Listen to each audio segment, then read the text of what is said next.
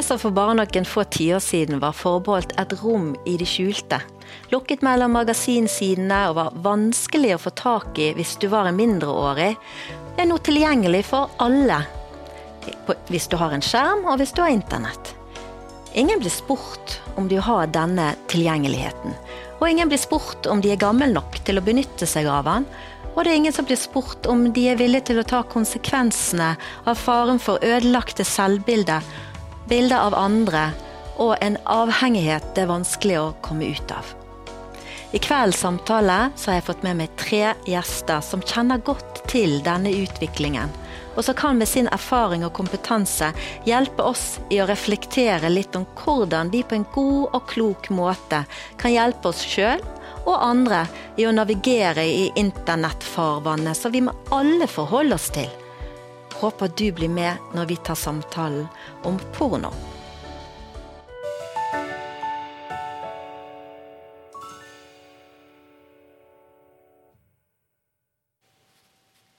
Ja, her sitter jeg sammen med en veldig kjekk kar. Velkommen til deg, Gjermund Øystese. Takk for det. Ja, du, du har imponert meg veldig uten at jeg egentlig kjenner deg så veldig godt. For du er en av de heltene mine som våger å si sannheten og stå i det som kan være litt ubehagelig med sannheten. Mm. Nå har jeg veldig lyst til at alle seerne våre skal få bli kjent med deg. Fortell litt. Ja. Jeg heter da Gjermund. Jeg er 35 år. Um, jeg har eh, vokst opp på Vestlandet. Eh, født i Bergen uh, og eh, vokste opp i Sauda, da, i en liten bygd hvor min far var prest. Jobba i laget i ti år. Har vært politisk rådgiver for Dag Inge Ulstein. Og jobber nå i Norges kristne råd som kommunikasjonsrådgiver. Ja. Mm. Og det var vel gjerne en avisoverskrift som gjorde at jeg kanskje første gangen leste om deg. For da var det en uh, tittel med at det var rådgiveren til Dag Inge Ulstein som hadde vært uh, pornoavhengig. Mm. Det ble, slått veldig opp i media. Ja. Uh, var dette noe du var klar for, holdt jeg på å si? Nei, jeg tror vel aldri en blir klar for noe sånt, egentlig. Um, jeg ble advart uh, i forkant at det kunne være noe som kunne komme opp, så, så helt uforberedt var jeg ikke. Um, men jeg trodde ikke at det her var noe som hadde interesse eller liksom skulle bli tatt opp på den måten som det ble. da. Ja. Um, så det er klart, når jeg kom ut av uh, mitt første møte i Utenriksdepartementet, uh, tar på telefonen og ser at uh, ja, her er det overskrifter både på VG og Dagbladet og TV 2 og NRK, så klart, da da, begynte, da kjente jeg litt på det, ja. Mm. Det gjorde jeg. Mm. mm. Ja, for det, altså bare det Porno er jo et ord som veldig mange mener mye om. Mm. Eh, og det er veldig skambelagt i mm. veldig mange forskjellige samfunnslag. Det er jo ikke snakk om bare innenfor kristne kretser at dette er noe som er tabu, nærmest, mm. og, og, mye med, bundet med skam. Og så plutselig så er det et fjes på noen som kan si at ja, jeg har vært pornoavhengig. Mm. Var, hvordan klarte du å komme til det at du kunne offentlig si dette? Nei, Det er jo en kombinasjon av egen erfaring, og, men også hvordan jeg er rigga som menneske. da. Ja. Um, jeg, eh, som sagt, jeg sleit jo mye med porno i oppveksten, um, og det hadde veldig makt over meg. Mm. Uh, det gjorde mye med troen min, det gjorde mye med frimodigheten min. Uh, det gjorde mye med hvordan jeg så på meg sjøl, og ikke minst hva jeg tenkte om, om jenter. Mm. Um, og kom til et punkt der jeg kjente at uh, dette vil jeg, jeg vil ikke at det skal påvirke meg lenger. Um, Samtidig så trodde jeg at jeg var alene om det, da, for det var ingen av mine venner som snakket om det. Uh, ingen i ungdomsarbeidet som snakket om det, ingen i kirken som snakket om det. sant? Mm. Uh, så det var jo ikke før jeg kom på DTS med Unio Oppdrag, uh, og vi hadde en sånn guttegruppe der og, og, begynte å dele åpent med hverandre, at jeg skjønte at dette er jo faktisk noe de fleste gutter har slitt med. Mm. Eller å slite med, selvfølgelig. Um, og det var en øyeåpner for meg. Um, det gjorde at når jeg da kom til Bergen og skulle begynne å studere. Og parallelt med at jeg var sivilarbeider i laget, så den høsten inviterte jeg ti eh, gutter jeg hadde blitt kjent med, hjem til meg. Så sa jeg at eh, jeg har slitt med avhengighet til pornografi. Sliter fremdeles litt, og jeg, jeg har lyst til å stå i lag med noen i denne kampen. Så jeg delte min avhengighet til de. Um, vi ble til slutt fire gutter som hadde en sånn, noe vi kalte lysfellesskap møttes en gang i uken og, delte eh, gleder og nederlaget med hverandre. Sto sammen, bare for hverandre, eh, og ikke minst holdt hverandre ansvarlig på den tematikken. Det ble min vei til frihet. Det å dele det åpent med noen andre. Eh, og den styrken det var i at det var en bør ikke jeg trengte å bære alene, men som noen andre bærte med meg, og ikke minst at Jesus hadde tatt det på seg. da. Ja. Eh, og det gjorde at jeg etter hvert skjønte at dette er jo et problem. For det er jo ingen som snakker om det i menighetene. Eh, så vi begynte da, noen av oss som var i den gruppen, men òg et par andre, begynte å, å tok kontakt med Salem. 2011 begynte å ha seminarer der. Eh, tabuseminarer kalte vi det for. Ja. Eh, og så fikk vi med oss noen jenter, så da hadde vi både tabuseminar for gutter og jenter. Og så ja, balla det på seg. Så ble det Betlehem og Salem, og så ble det Frikirken i Betlehem og Salem. og ja. Så opplevde, fikk veldig god respons på det. Dette var noe som det virkelig var, var behov for. da. Og jeg tror for min del, da ehm, Det som kanskje var det verste med avhengigheten, eh, det var det at jeg kjente at jeg trodde jeg hadde brukt opp nåden min hos Gud. Ja. Ikke sant? Så jeg hadde jo samme respons som Adam og Eva hadde i paradis når de var nakne. da, sant? Gjemte seg for Gud. Det gjorde jeg òg. Gjemte meg i flere dager. For jeg tenkte at jo, jeg har gjort det her så mange ganger, jeg har falt så mange ganger at nå er det ikke nåde igjen. på en måte. Um, så det skapte jo en veldig distanse til Gud. da. Um, og det merka jeg sjøl òg når jeg jobba i laget eh, med ungdom. At det her er jo definitivt en av de store tingene som tar vekk unge menneskers frimodighet Ja. i forhold til Gud. Og som gjør at en, en skammer seg, gjemmer seg, uh, og en tør ikke å dele med troen sin, da, fordi at dette her holder en så igjen. da.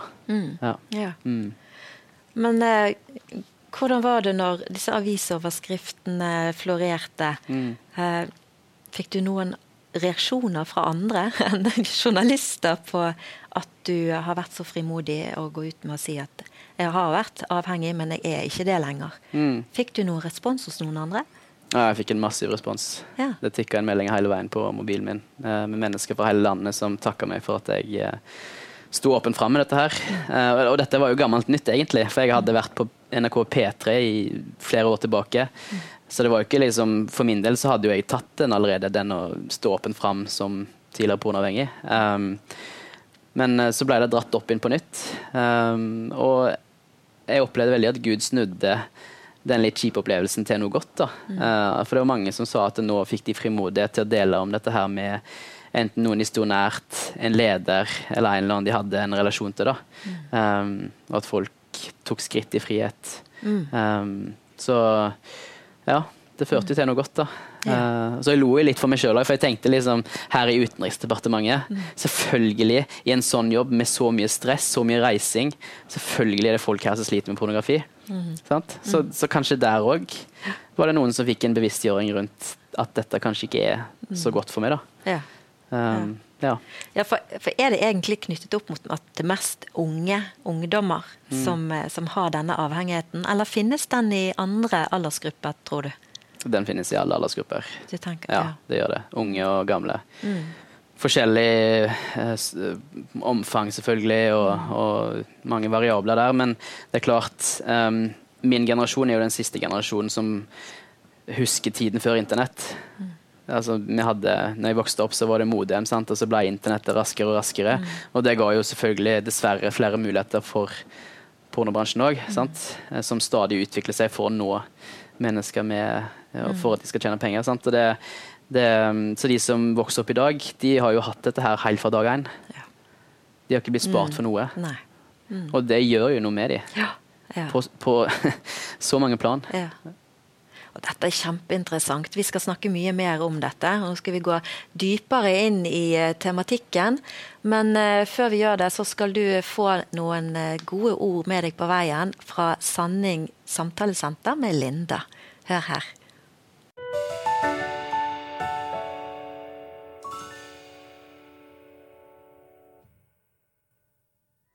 Porno er et samfunnsproblem, og det berører mange mennesker rundt oss.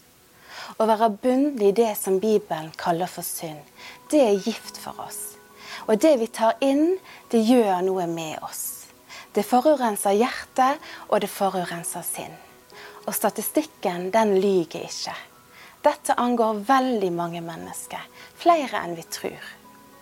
Gud har kalt oss til å være frie mennesker og gitt oss alt det vi trenger til å leve i frihet. Til frihet har Kristus frigjort oss. Stå derfor fast, og la dere ikke tvinge under slaveåket igjen, leser vi Galaterne 5. Porno holder mange mennesker i fangenskap. Og det må vi snakke sant om. Og vi må løfte fram friheten som ligger i å holde seg borte fra dette.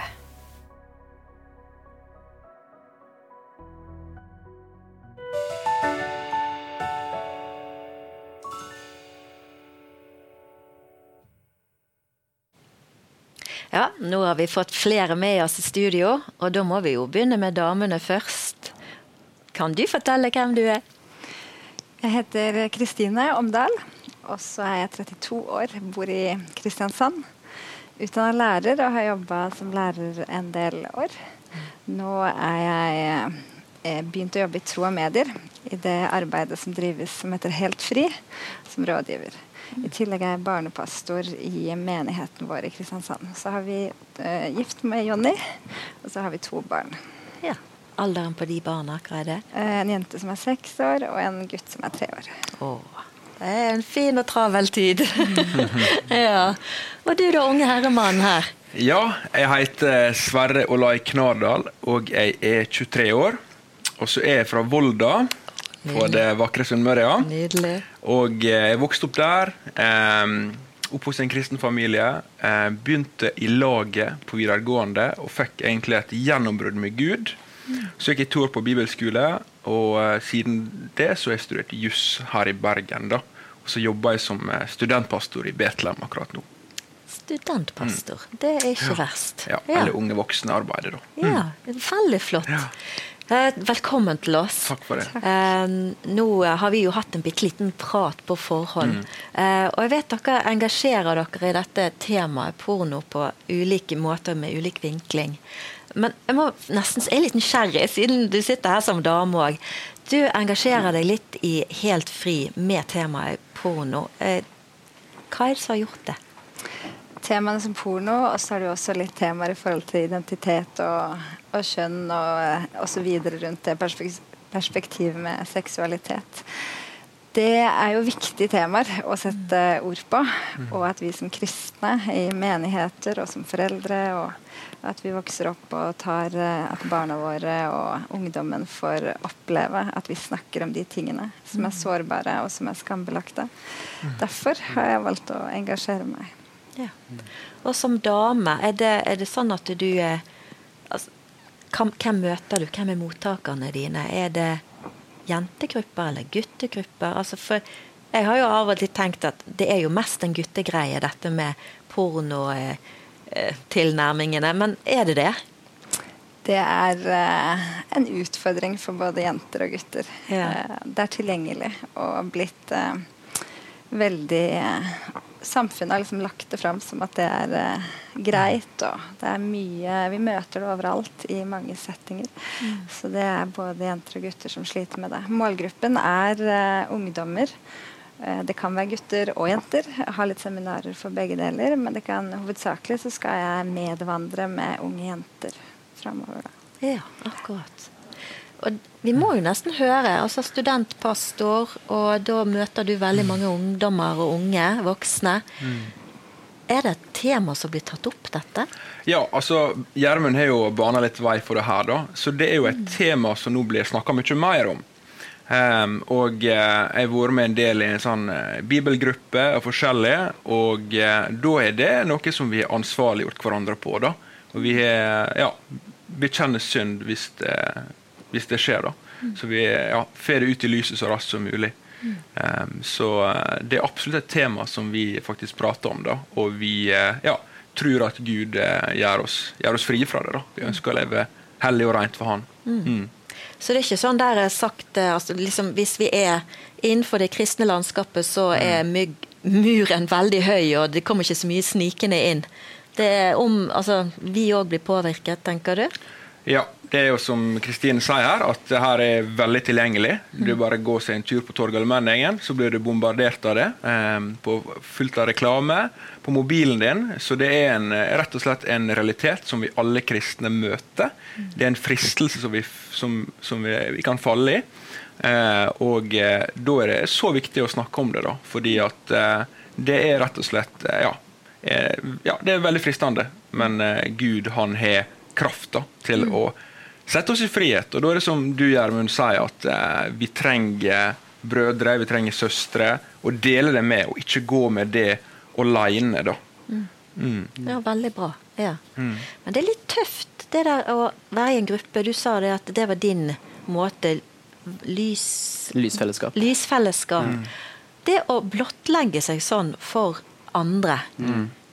det, det, det, krever veldig mye. Hvordan kan en klare å komme til det? Nei, først og fremst handler det om å finne de venner som du har en sånn tillitsrelasjon til. Da, at du kan dele, dele disse tingene. Mm. Um, for min del så kjenner jeg bare så sterkt at dette er en tematikk som preger mennesker så dypt. Mm. Uh, på et område som, som, er Det er jo de sterkeste drivkreftene i oss, seksualiteten mm. vår. ikke sant? Mm. Det må vi ta på alvor. Um, og jeg bare kjenner at må, jeg, jeg, må si noe om det. Jeg må ta det opp. Så for min del så var jo det drivkraften min. Uh, men selvfølgelig det er krevende å ta det opp, og mange tror at de er alene om det. Tror at de er den eneste i verden som sliter med det. Men så er det jo 97% tror jeg det er av alle gutter og menn som har sett eller ser porno. Eh, det er jo større eller mindre grad. Ja. Så det gjelder jo nesten alle. Ja. Mm. Um, og det, ja, desto mer viktig er det da å snakke om det. Ja. ja. Mm. Mm. Um, hvordan ser vi egentlig på en måte at uh, pornobransjen har, uh, har, den påvirkningskraften? Altså, hva, hvordan kan vi kjenne det igjen? Hva er signalene eller symptomene som vi kan merke oss at uh, her er det noen som ser noe, og det, det er det er ikke greit. Ja, det tror jeg vi kan merke på mange områder. Og voldsutviklingen som skjer i samfunnet. Mm. Og så tenker jeg også når du leser rapporter og forskning på dette og finner ut at 14-15-åringer tenker at det er helt greit når de har uh, sex med noen og tar kvelertak og osv. Drøyere og drøyere ting. Det er jo et resultat av porno og de negative konsekvensene det fører med seg flere overgrep og voldtekter. Og hvor skal grensa gå? Skal eh, man fortsetter å se på grovere ting? Og skal man fortsette å tenke at det er greit med barnepornografi osv.? Så, videre? så det kommer jo mm. mange aspekter inn. Og menneskehandel og menneskesyn er jo også mm. så utrolig krenka. Mm. Se på mennesker som objekt mm. istedenfor medmennesker. Ja. Jamen. Jeg tror det er, i, i forlengelsen av det som Kristine sier, så det er utrolig viktig å sette lys på hva den bransjen egentlig handler om, mm. og hva de kommuniserer. Um, det er jo en bransje som har en verdi på, på 10 av oljefondet. Uh, og de, og, så det er mye penger i omløp. Mm. De har stor makt var den bransjen som gjorde at vi i dag har YouTube, at den har strømmetjeneste på internett. Det var den bransjen som definerte at vi skulle ha video i sin tid, DVD i sin tid og Blu-ray i sin tid. Det var de som bestemte at de formatene skulle gjelde. Da ble det det. Det var den bransjen som førte til at vi kunne betale med kort på internett. Uh, så, og den bransjen som førte til at vi fikk webkamera. Så mange oppfinnelser vi bruker i vår daglige dag, kommer jo fra den bransjen, for at de hele veien pusher for å tjene mer og mer penger. Mm. Så det viser jo hvor infiltrert de også, er da, i samfunnet vårt på mange plan. egentlig. Ja. Um, det mange òg ikke vet, er at de har en lobbygruppe i USA. En interesseorganisasjon som, som uh, representerer bransjen, og som heter da Free Speech Coalition. Ytringsfrihetskoalisjonen. Bruker en positiv terminologi. sant? Mm.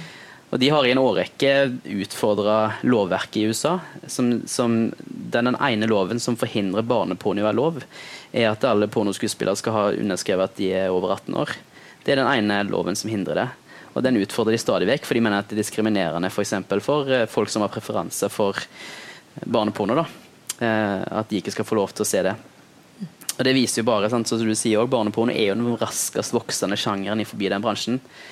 Uh, I løpet av ti år nå kommer det med statistikker da, men i løpet av ti år så har en sett en økning på 2500% i USA på mennesker som blir tatt med i besittelse av barneporno. Eh, og I England har en lignende statistikker. En kan se på hvor mange som søker på, på den type ord, søkeord. Så det, det er et kjempeproblem uh, som Ja. Ja, Som må snakkes om, Ja. rett og slett. For det her kan ikke vi sitte og stikke under et teppe. Mm. For vi kommer, det er jo et fjell, dette her. Blitt. Ja. Og så er det siste jeg vil si på det, det er jo mennesker det er snakk om. ja.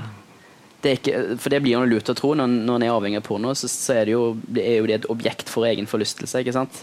Men det er menneskeliv, de kvinnene og de mennene som spiller i de filmene. Og, du, og En kan finne mange intervjuer på nettet med mennesker som har kommet til tro i den bransjen, og som da sier at jeg ble jo helt eh, eh, stump, stumpa sånn følelsesmessig, avstumpa. Klarte ikke å ha relasjon til noen. sant? Eh, måtte bruke narkotika for å døyve på smertene jeg fikk av å spille disse pornofilmene. Så det- er et aspekt som er utrolig viktig å få fram. Da. Det er mennesker. Det er, Jesus elsker de menneskene og like høyt som alle andre.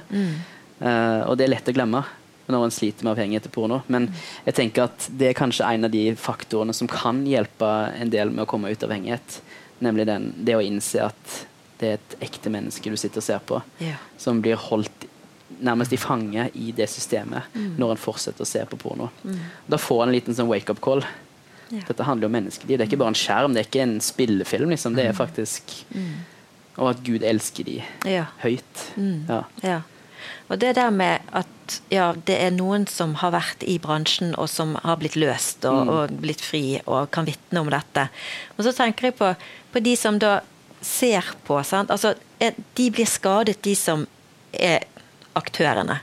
Men vi som sitter da og har skjermene og tillater oss eventuelt, eh, hva gjør det med et menneske å, å se på en skjerm eh, på ting som vi, Er vi ment for å se sånt, liksom? Hva, har du noen tanker om det? det? Det er ikke vi. Um, det er ikke sånn sex var meint å være av Gud. Mm. Det er helt perverst. Um, og eh, det rett og slett ødelegger. Og man ser jo det. altså Folk skiller seg i hytt og pine. og det, det, det infiltrerer kirka, Guds menighet. Guds rene, hellige menighet. Eh, det er ja, Synden står for døra og banker på og vil inn. Så det er jo et, det er et kjempeproblem. Um, og da er liksom spørsmålet hvordan får en frihet, da? Det er det store, liksom. Um, og da kan vi jo vitne begge, begge, både jeg og Gjermund om at eh, det med faktisk å, å leve tett, i tett fellesskap med, med brødre, da, eh, som ja, et lysets fellesskap, da man bekjenner sine synder, og så skal, skal Gud helbrede oss fra det. da. Eh, for det, ja, når det er så ødeleggende, så er det rett og slett uh, utrolig viktig å ha at alle egentlig, alle unge som ønsker å være disipler, også oppe i alder, faktisk har dette tette, tette fellesskapet. da. Jeg tror friheten ligger i det. Ja. Ja. Ja. Og det er jo ikke, som Sverre sier, det er jo ikke det vi var designa for. Det var ikke sånn det var ment å være fra Guds side. Og eh, det gjør jo noe med oss. Det gjør at mange unge sliter med å forplikte seg og gå inn i en relasjon når vi ser det som er skuespill, og så tilgjort. Men uh, Guds uh, historie er jo en bedre historie, som eh, han ønsker å vise oss og gi oss. Jeg tenker det er litt sånn som eh, barna våre også, eller ungdommene våre, hvis de spør når du er 13 år mamma, pappa, kan jeg få lov til å øvelseskjøre nå, så sier du jo ikke eh, nei, eh, men du sier vent. Og når du blir 16 og du er gammel nok og ikke sant, tatt trafikalt grunnkurs, du skal få øvelseskjøre med meg. Litt sånn er det med Gud, og jeg tror den der godheten å se på Gud som en god far Han sier at dette med sex er jo en gave. Og jeg sier ikke nei til det, men jeg sier vent innenfor de trygge rammene som ekteskapet er mellom mann og kvinne. Ja. Og det, det er litt av det du formidler eh, når du skal ha kurs og seminarer og sånt med ungdomsgruppene? Det stemmer. Ja. Ja. Så trygt å få møte det på den måten. Ja. Ja. Mm.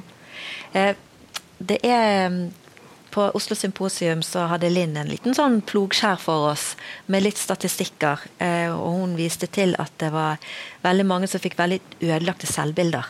Eh, Sammenligna seg med kanskje kropper som har vært eh, ja, kirurgisk inngrep her og der, og, og får veldig sånn der forakt for både sin egen kropp og Har dere merket noe av dette i, når dere snakker med folk om det? Er det hvordan er selvbildet? Hvordan ser de på seg sjøl? Mm. Det er jo det som er utfordrende med å være menneske generelt. og Det må vi anerkjenne òg, at som mennesker så sammenligner vi oss med andre. Eh, og vi blir vi ikke upåvirka av det vi fyller oss med. Mm. ikke sant? Eh, I Bergens Tidende tror jeg det var for et par år siden så var det jo slått opp stort at eh, stadig flere unge jenter velger å operere kjønnsleppene sine fordi at de har sett porno sant, og sett at der er det sånn og sånn. sant? Og da, da må en jo selvfølgelig operere seg. Og det, det, er jo bare et symptom på noe som stikker dypere, da. Mm. Um, og det er jo på en måte Det som også bekymrer meg litt, det er jo seneste statistikk nå på ensomhet blant unge. Uh, der én av tre studenter f.eks. Er, er ensomme. da. Og jeg vet jo med meg sjøl, det kan sikkert du òg dele om, sant? at når en grunn, hvorfor søker en porno i utgangspunktet? Sant? Jo, det er jo fordi at en var ensom, en kjente på avvisning, en kjente på at en var mislykka. Altså alle sånne negative ting. da. Og så tyr en til porno som en quick fix ikke sant? for å liksom få en god følelse for en liten stund det en ikke er klar over, er jo at det forsterker bare den ensomheten. Det forsterker bare de kjipe tingene som en kjenner på i livet. Og sammenligning og, og andre ting. Um, og det, ja, det må vi ta på alvor. Ja, ja. ja mm. det er veldig viktig. Um, jeg tror vi avslutter del én nå. Og så har vi litt mer å gå på på del to av programmet vårt. Så nå skal dere få en lite pauseinnslag med en reklamesnutt. Og så er vi tilbake med enda mer kanonføde.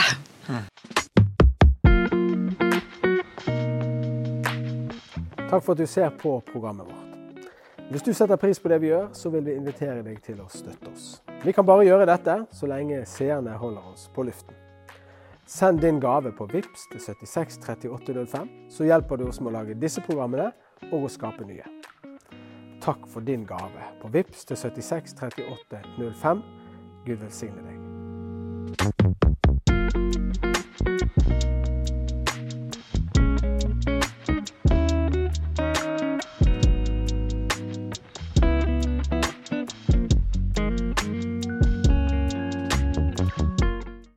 Hver uke så gir vi gratis nyhetsbrev fra Kristenmedia Norge, så du kan få tilsendt på din e-postadresse.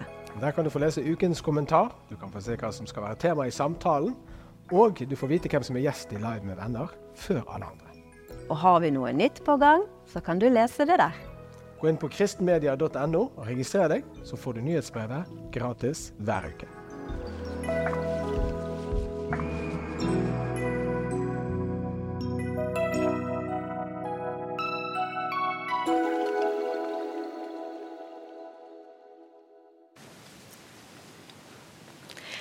Vi har vært inne på flere ting nå, og vi har lyst til å gå litt nærmere og se på dette med barns eh, første møte med seksualitet og denne sexen. Og det er ikke alltid at det er mor og far som får lov til å, å fortelle om rammene for dette. Ja, men du har noen tanker om dette, barns mm. møte med, med sex? Mm. Det som er med bransjen, er at uh, det som er normalen i dag av de filmene som fins i den bransjen, uh, det er jo vold. Altså en metaanalyse av innholdet sa at opp mot 90% av alle filmene inneholder vold, enten fysisk eller psykisk, og hovedsakelig mot jenter. da. Uh, det en ser i praksis, er at når jenter blir slått på disse filmene, så smiler de. Når unge da, uh, i Norge ofte lærer om sex for første gang, eh, gjennom å se porno. fordi en snakker jo ikke om det i familiene, eller en snakker ikke om det i menighetene. Sant? Så er det jo på en måte, blir de introdusert av venner. Møter dette innholdet. Eh, du refererte jo til det i stad. Um, og, og, tenker da at dette er normalen. Det er sånn det skal være. Og så seinere i livet så vet en at uh, voldtekter i Norge i hvert fall uh, skjer jo Majoriteten av voldtekter skjer i alkoholpåvirka tilstand. Når du da har blitt avhengig av porno, eh, og, og, der er vold normalt. Du kommer på fest eh, og prøver deg på en jente. Hun sier nei, men du har jo sett i filmen at jentene sier nei, men du skal jo fortsette å, å kjøre på. Eh, så gjør en det. Jentene tør jo ikke å si nei, fordi hun liker kanskje gutten sant? og har kanskje dårlig sjøltillit. I det hele tatt? Hun, men hun har jo sett porno og tenker at ja, men jeg må jo si ja, selv om jeg ikke vil, egentlig. Sant? Da skjer jo en voldtekt i praksis. Um, og der har du den linjen, da. Mm. Som jeg syns er kjempealvorlig. Mm. Ja. ja. vi har jo noen rettssaker som har vært nylig nå, eh, som, eh, der dette har vært en tematikk. Mm. Ja. Men jeg tror det du spør litt om i forhold til hvordan man skal introdusere det for barn og eh, Jeg tror det er viktig at vi gjør det tidlig og gjør det på en sånn god måte. Og at familiene, at mamma og pappa tør å ta tak i de temaene og eie det, den uh, biten og de temaene rundt uh, seksualitet. Snakke om det tidlig på en sånn ufarlig måte når mamma og pappa kysser, eller hvorfor er det mamma og pappa som legger seg sammen, eller hvor og når er vi nakne? Ting som er veldig sånn enkle for barn å sette ord på. For idet de har fått en iPad eller internettilgang, så har de jo all verdens mulighet for å komme borti forskjellig innhold.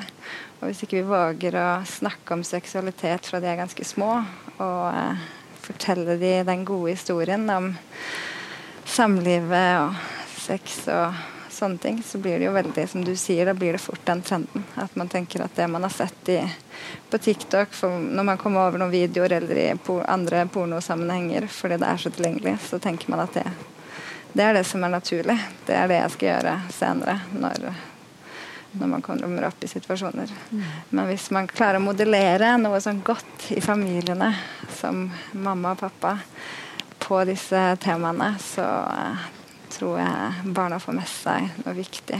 Og at de senere kan også ta opp temaer hvis de dukker over uh, noen filmer som de syns er ubehagelige. Så tør de å ha den relasjonen til deg. Ta det opp. Mm. Ja. Mm. Ja, jeg tror det er lurt at foreldre kommer i forkant i mm. forhold til eh, venner og, og, film og sånn. Det tror jeg, da. Um, for da kan en som sagt fortelle denne gode historien da, om hva sex er meint til å være innenfor den trygge rammen i det livslange ekteskapet som Gud har tenkt at det skulle skje. da. Mm. Så mm, er viktig. Ja. Ofte i møte med unge så tenker jeg i hvert fall at det er lurt at en skaper en refleksjon i de. Uh, at en tar de med på en sånn undring, en tankereise rundt disse konseptene, da, som, som gjør at de sjøl kommer fram til at oi, hmm, det kan jo faktisk være at uh, sex er meint til rammen innenfor ekteskapet fordi at det er det beste for meg. Det er ikke fordi at Gud er kjip, men Gud vil meg vel. Og derfor er det bra for meg å vente. Og det er en formidling som, uh, som er viktig å, å, å, formidle til dem. Da. Mm. For en skal vel aldri ta for gitt at barns 10-11-12, så begynner de å bli forelsket. Sant? Og så får de sin første lille kjæreste og dette. Vi skal jo ikke ta for gitt at ungene sjøl skal vite grenser for hva som er greit og ikke greit. Skal vi det, egentlig? Nei, det tror jeg er viktig at vi snakker med dem om. At ja. ikke de forstår det selv. Og de fleste små barn som dumper over det, nå snakker jeg ned i 6-7-årsalderen hvis noen får sett det hjemme hos noen, eller blir vist et bilde eller en film, de vil jo synes det er ekkelt. Det er jo først når man blir litt eldre og kanskje kjenner på nysgjerrighet og er kommet til puberteten og sånn, at det blir mer spennende. og de fleste barn vil jo synes det de ser er ekkelt, og da å vite at jeg har en trygghet hjemme Vi har jo snakka om dette. Mamma og pappa har jo vært forbilder her og sagt noe på det og modellert det på en fin måte, så, så vil de mest sannsynlig å tørre å ta det opp, da, mm. selv om det er krevende. Ja, for det kan nesten være, det har jeg i hvert fall hørt litt i skolesammenheng, at eh, mm. når barn har sett noe på f.eks. mobilen sin, da, eh, så har de ikke lyst til å fortelle om det, fordi at de er redd for at nå blir mobilen tatt og inndratt.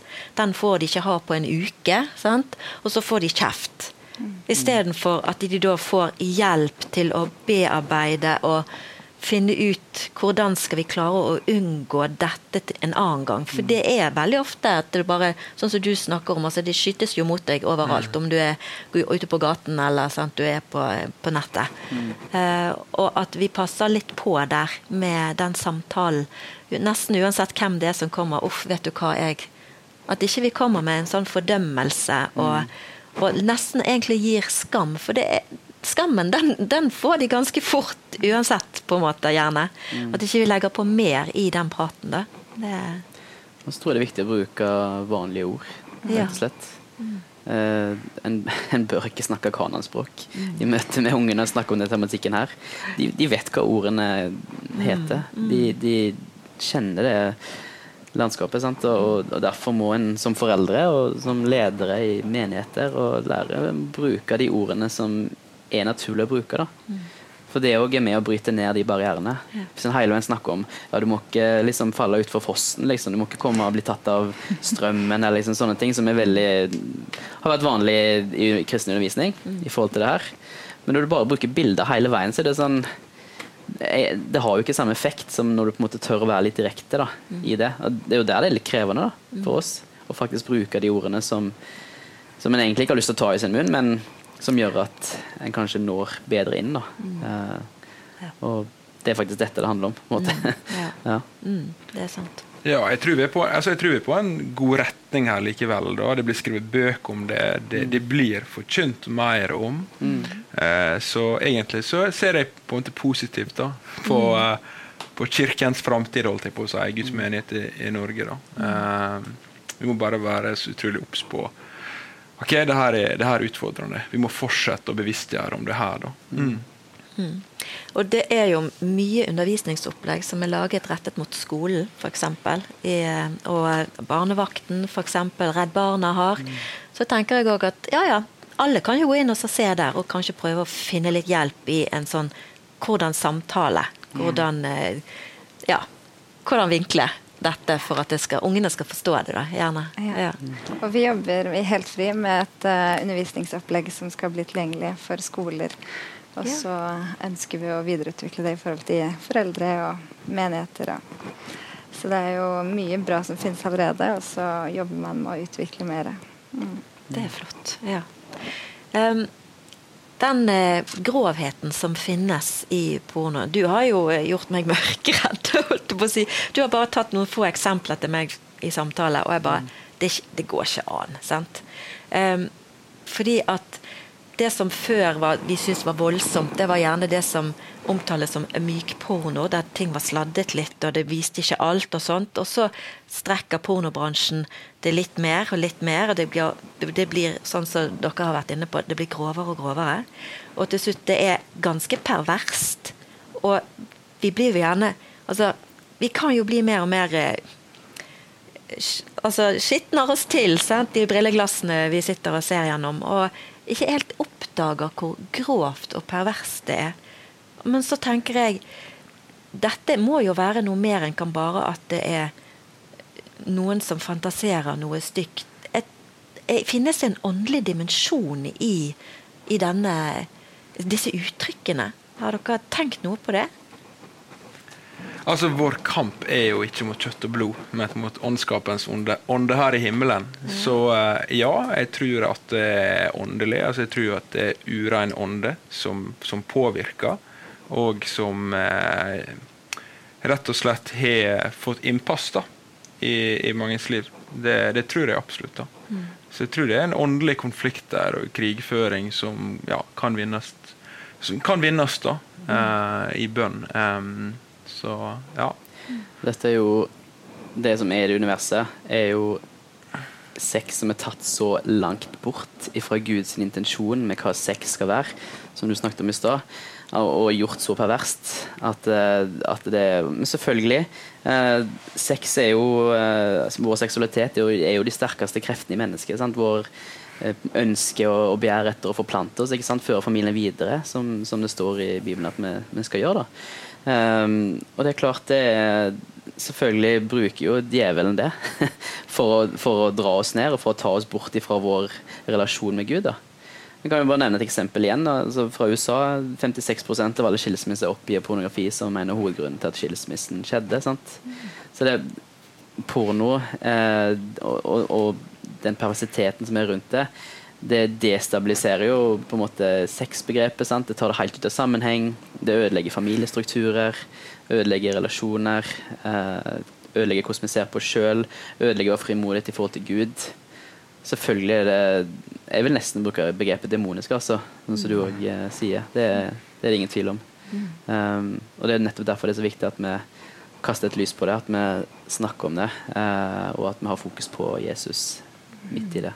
Ja, Mm. Det er jo sterke krefter i sving, så det er jo mer lyst og begjær. Det er jo en åndelig dimensjon i det.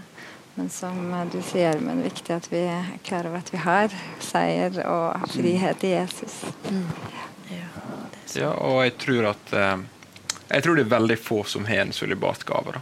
Mm. Um, så jeg tror at vet du, vi, må, vi, må gifte, altså vi må finne noe. Vi må gifte oss, liksom. Jeg tror virkelig det. Fordi at Pelus sier også det for å unngå hor, så må hver og en av dere finne en ektefelle. Mm. Um, så jeg tror det Ja. Vi må bli flinkere å gifte oss, holdt jeg på å si. ja, den, vi går ikke videre på den. Men du, det er jo Altså, vi har snakket om det at det, det er vanskelig å stå imot. Uh, men hvordan møter vi de som kommer til oss og 'jeg har falt'? Hva sier vi? Mm. Først og fremst så må vi lytte og møte dem når de åpner seg om eh, temaer som eh, dette er så krevende og skambelagt som vi har vært inne på. Så er det fint å møte dem med utrolig mye nåde og kjærlighet. For uh, det er det Jesus uh, gjør. Møter oss alle. Og derfor så blir det å lytte. Og jeg tror noe av det er når du får delt det som er krevende og vanskelig, at det blir ikke helt borte, men du har likevel sagt det ut i lyset, sånn som du nevnte innledningsvis, og har, eh, det har blitt litt åpent. Eh, og da kan også det være rom for at litt av den smerten blir litt mindre, da, eh, når man deler det. Og for, med omfavne de med Jesus sin nåde. Det står jo i Romerne 5,20 at der nåden er stor Nei, der synden er stor, er nåden enda større. Og så tror jeg det også blir viktig å prøve å være en medvandrer. En som kan eh, gå sammen med de. Det har jo både Sverre og Gjermund snakka om. Viktigheten av å ha det fellesskapet med andre og dele, dele det med. Og holde hverandre ansvarlig. og gå sammen med. Om ikke man opplever seg selv som den riktige personen, så kan en uh, henvise til andre. Enten familieterapeuter eller med en god kristen mentor eller venn eller som du har tillit til, blir jo viktig å kunne henvise til hvis ikke man føler seg komfortabel med å, å stå i det selv. Mm. Jeg har hatt en venn som har ja, over lang, mange år da, er bekjent til meg Uh, og uh, jeg vet ikke om jeg gjør det på rett måte, men jeg heier i hvert fall fram på en måte bekjennelsen hans av OK, det her er synd, og jeg ønsker å legge det vekk. Og Så lenge man på en måte heier litt fram på en måte den der å, vi må få det ut i lyset, så har personen igjen og igjen lyst til å åpne opp, fortelle om det og legge det vekk. For jeg tror det er veldig viktig å stille folk spørsmålet mm. ønsker du å, å, legge det vekk? Ønsker du at du skal ha en del i livet ditt å gjøre? da? Og det sterkere på en måte man, man ønsker det, Gud gir oss den lengs, lengselen til å legge det av, så vil man bli fri. Mm. Evangeliet setter oss i frihet. Det er det Gud bruker evangeliet til. Mm. Ja. Jeg, eh, når jeg var på det verste, så jeg var så fortvila i forhold til nåde. Jeg, som sagt, jeg trodde jeg hadde brukt opp nåden. Så spurte jeg Gud Gud, kan du være så snill vise meg hva nåde er. Og så fikk jeg et bilde der jeg så meg sjøl. Jeg hadde nettopp falt. Jeg lå på bakken og rulla meg rundt i, i, sølen, nærmest, og ville holde meg borte fra Gud. Men Gud hadde sin hånd bare strakt ned mot meg, og han ville at jeg skulle gripe den nesten før jeg falt på bakken, etter at jeg hadde falt. da. Og, og på en måte bare reise meg opp igjen momentant. Hans tanke var ikke at jeg skulle ligge ned og rulle meg rundt i sølen, men det var å gripe hans hånd og gå videre i full frihet. Og det var en game changer for meg. For da skjønte jeg at uh, min identitet er ikke at jeg er pornoavhengig. Min identitet er at jeg er kledd i Kristus. Mm. Jeg, så, så da, der og da, helt paradoksalt, så kjente jeg bare Jeg er fri, jeg. Mm. Så, så, jeg falt noen ganger etter det, det skal jeg innrømme, men, men det var en sånn øyeåpner som gjorde at jeg klarte å skille mellom det jeg hadde gjort, og den jeg faktisk er som menneske.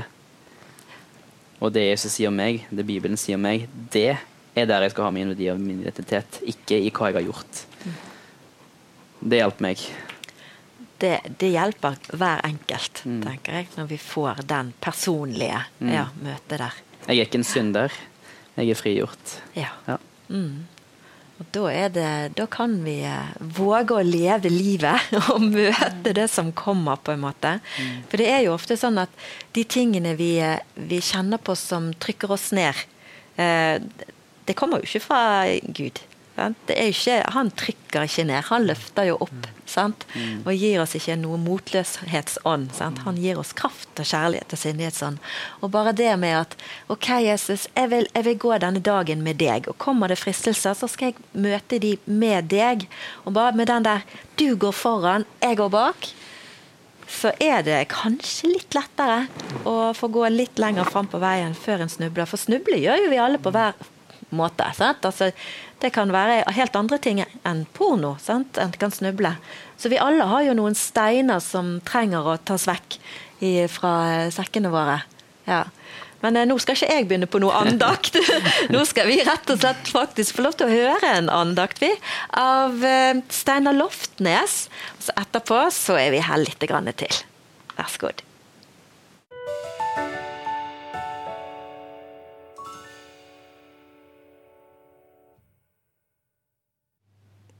Jeg må nesten starte med det liksom heftigste verset.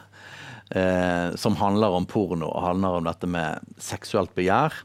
Og det er jo i Matteus, er kapittel 5 og vers 27 og versene videre der.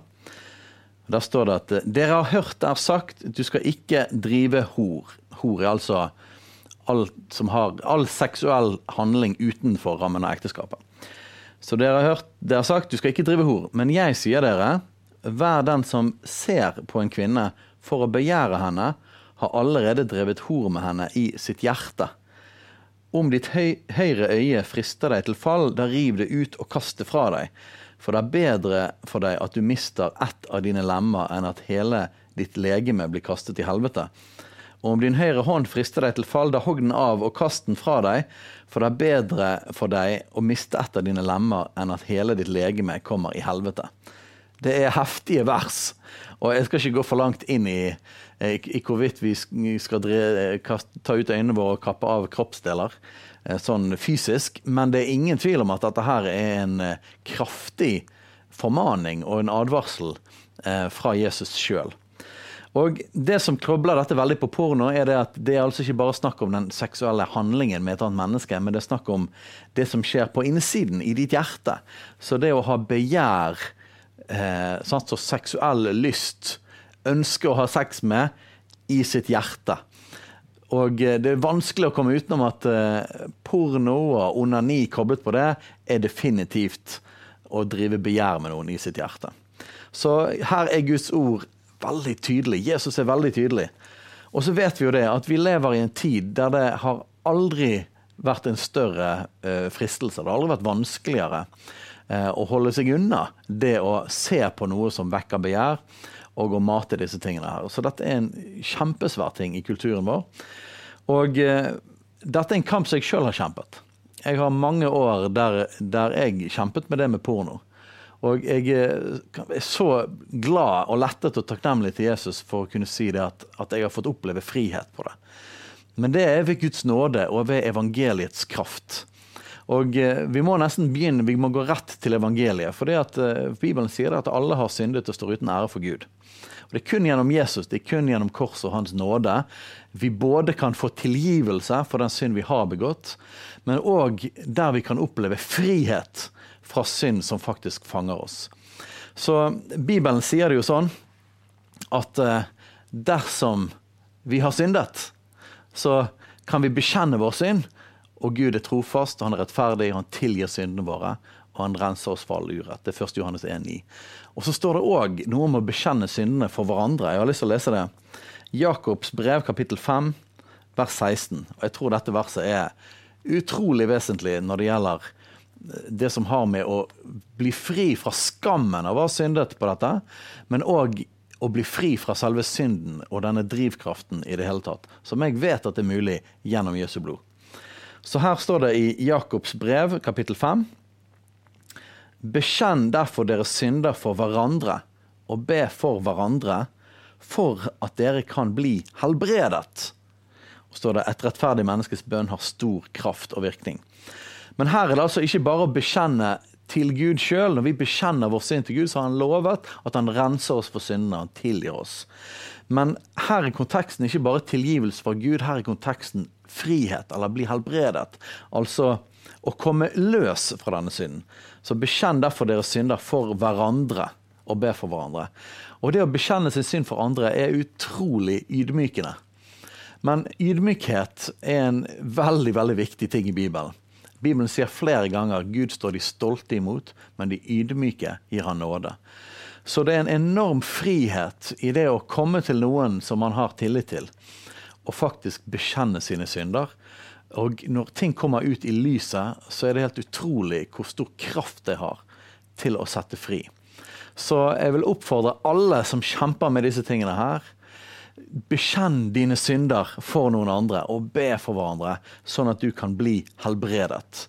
Jesu blod er mer enn nok til å tilgi all synd, men det har òg kraft til å sette fri fra synd som binder oss. Så jeg har lyst til å bare be helt på slutten. Jesus, jeg ber om at du skal gripe inn sånn som jeg har fått oppleve i mitt liv. At du kommer med din nåde og din kraft, og at du setter folk fri som ser på dette. Fra porno og fra avhengighet av porno og andre typer seksuell synd. Kom med din nåde og din kjærlighet og ditt nærvær og din kraft i Jesu Kristi navn. Amen.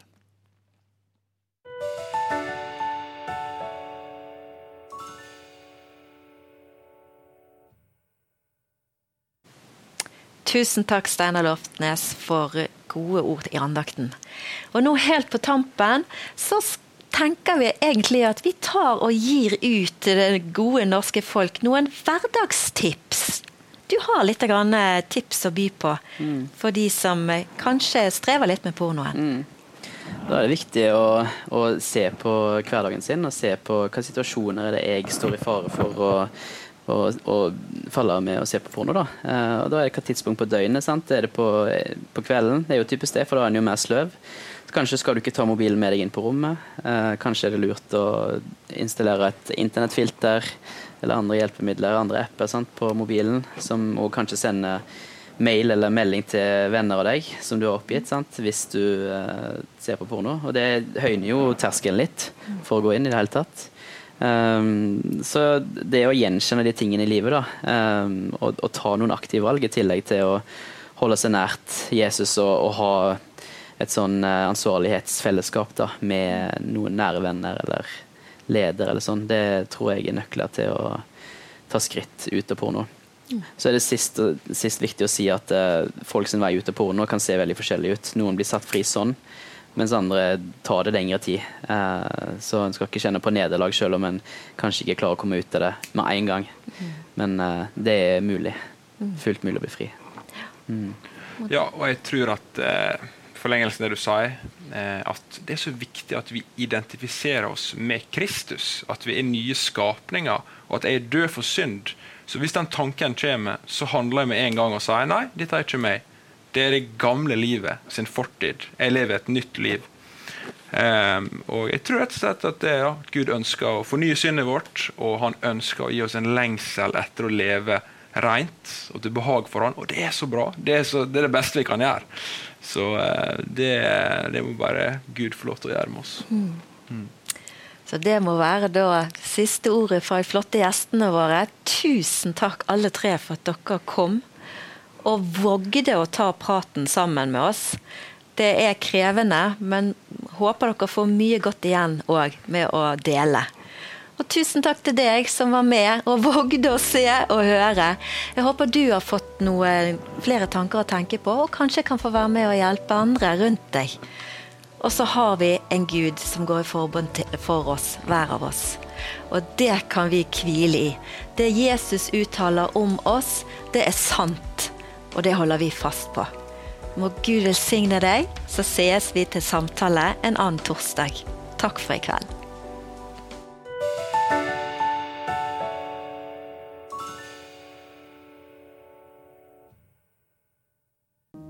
Noen ganger handler samtalen om ting som kommer nært inn på livet og berører deg.